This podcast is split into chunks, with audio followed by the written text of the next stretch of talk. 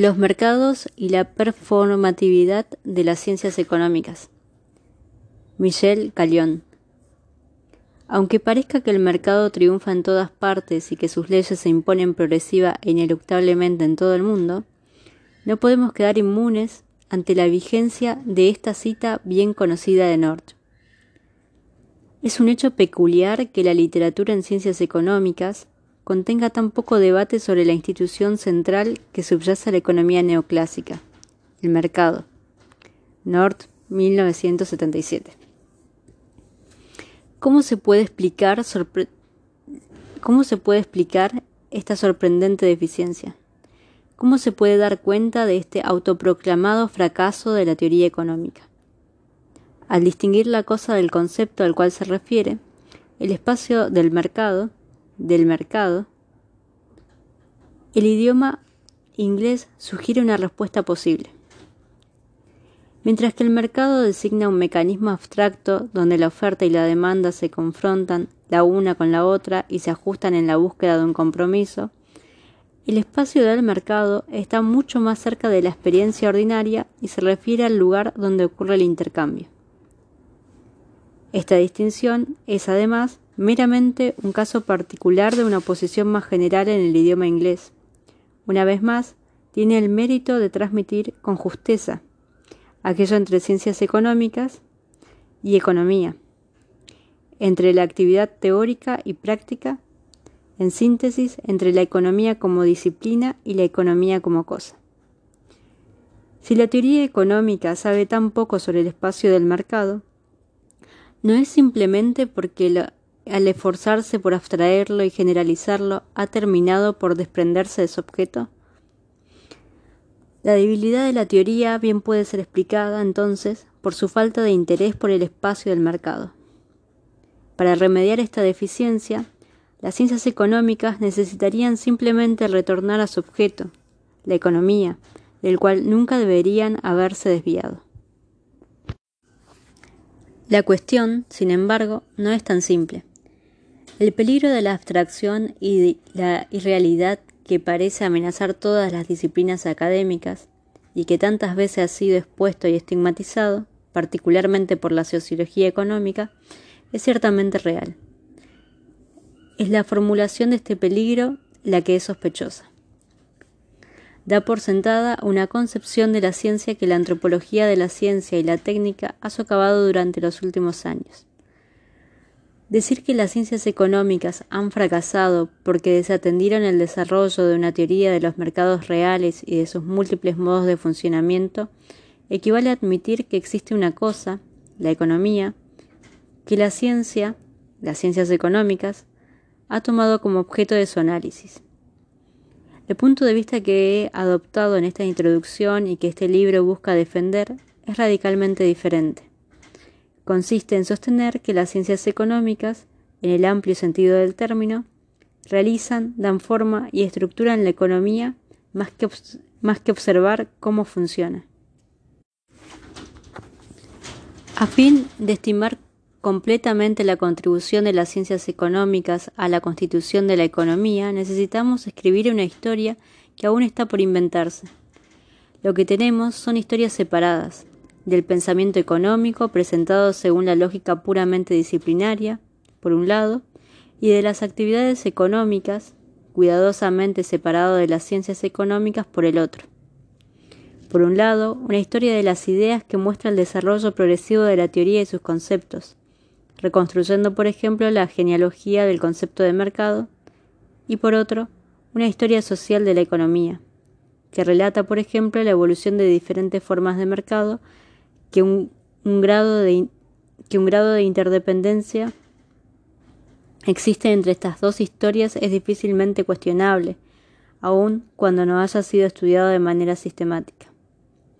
Es por ello que sería fascinante construir una historia social de las ciencias económicas que mostrara de qué manera nociones abstractas como la de oferta y demanda o como la de los mercados interconectados, competencia perfecta o incentivos han sido formulados en relación a las constantes, a la constante con, la, con las cuestiones de la práctica, con las cuestiones prácticas.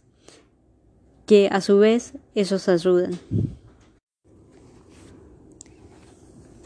Polanyi demostró brillantemente en la gran transformación que este tipo de historia es a la vez posible y está llena de lecciones.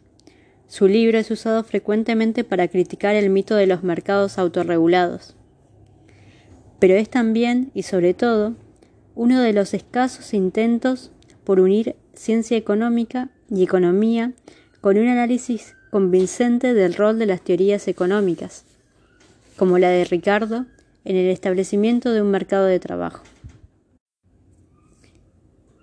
El objetivo del presente libro es contribuir al análisis y a la comprensión de las sutiles relaciones entre ciencias económicas y economía, no desde una perspectiva histórica, aun cuando algunos capítulos incluyan material histórico, sino desde una perspectiva deliberadamente antropológica. Para dar un lineamiento general de esta perspectiva, el punto de partida más convincente es la definición general de mercado propuesta por Robert Gusneri, en un intento explícito de formular la cuestión de las relaciones entre mercado y espacio de mercado. De acuerdo con Gusneri, un mercado es un dispositivo de coordinación en el cual a. Los agentes persiguen sus propios intereses y con este fin realizan cálculos económicos que pueden ser vistos como una operación de optimización y maximización. B. Los agentes tienen generalmente intereses divergentes, lo cual los lleva a comprometerse en C. Transacciones que resuelven el conflicto a través de la definición de un precio. Consecuentemente, para usar las palabras de Gusneri, un mercado opone compradores y vendedores, y los precios que resuelven este conflicto son el insumo, pero también, en un sentido, el resultado de los cálculos económicos de los agentes. La definición tiene la ventaja de subrayar lo esencial. Un mercado implica una antropología particular que presupone un agente calculador, o más precisamente lo que podríamos llamar agencias calculadoras. El mercado implica una organización, de tal modo que uno tiene que hablar de un mercado organizado y de la posible multiplicidad de formas de organización, a fin de tomar en cuenta la variedad de agencias calculadoras y su distribución. Por otro lado, el mercado es un proceso en el cual las agencias calculadoras se oponen entre ellas, sin recurrir a la violencia física, para alcanzar un compromiso aceptable en la forma de un contrato o un precio. Por esto, la importancia de la dimensión histórica que nos permite comprender la construcción de los mercados y los arreglos competitivos en los cuales los mismos se estabilizan por un tiempo y en un mismo lugar. Es necesario tener presente que los agentes entran y salen de los intercambios como extraños. Una vez que la transacción ha sido concluida, los agentes quedan a mano se extraen a sí mismos del anonimato solamente momentáneamente, volviendo a este estado inmediato inmediatamente después. Esta súbita metamorfosis no es en sí misma em, evidente, es altamente paradójica. Como señala Mitchell Abolafia no es fácil hacer compatible esta relación de desconocimiento con el hecho ineludible de que los agentes están en contacto el uno con el otro durante la transacción. La caracterización tripartita del mercado propuesta por Gusneri nos lleva a la formulación de nuestra primera pregunta. ¿Qué es una agencia calculadora?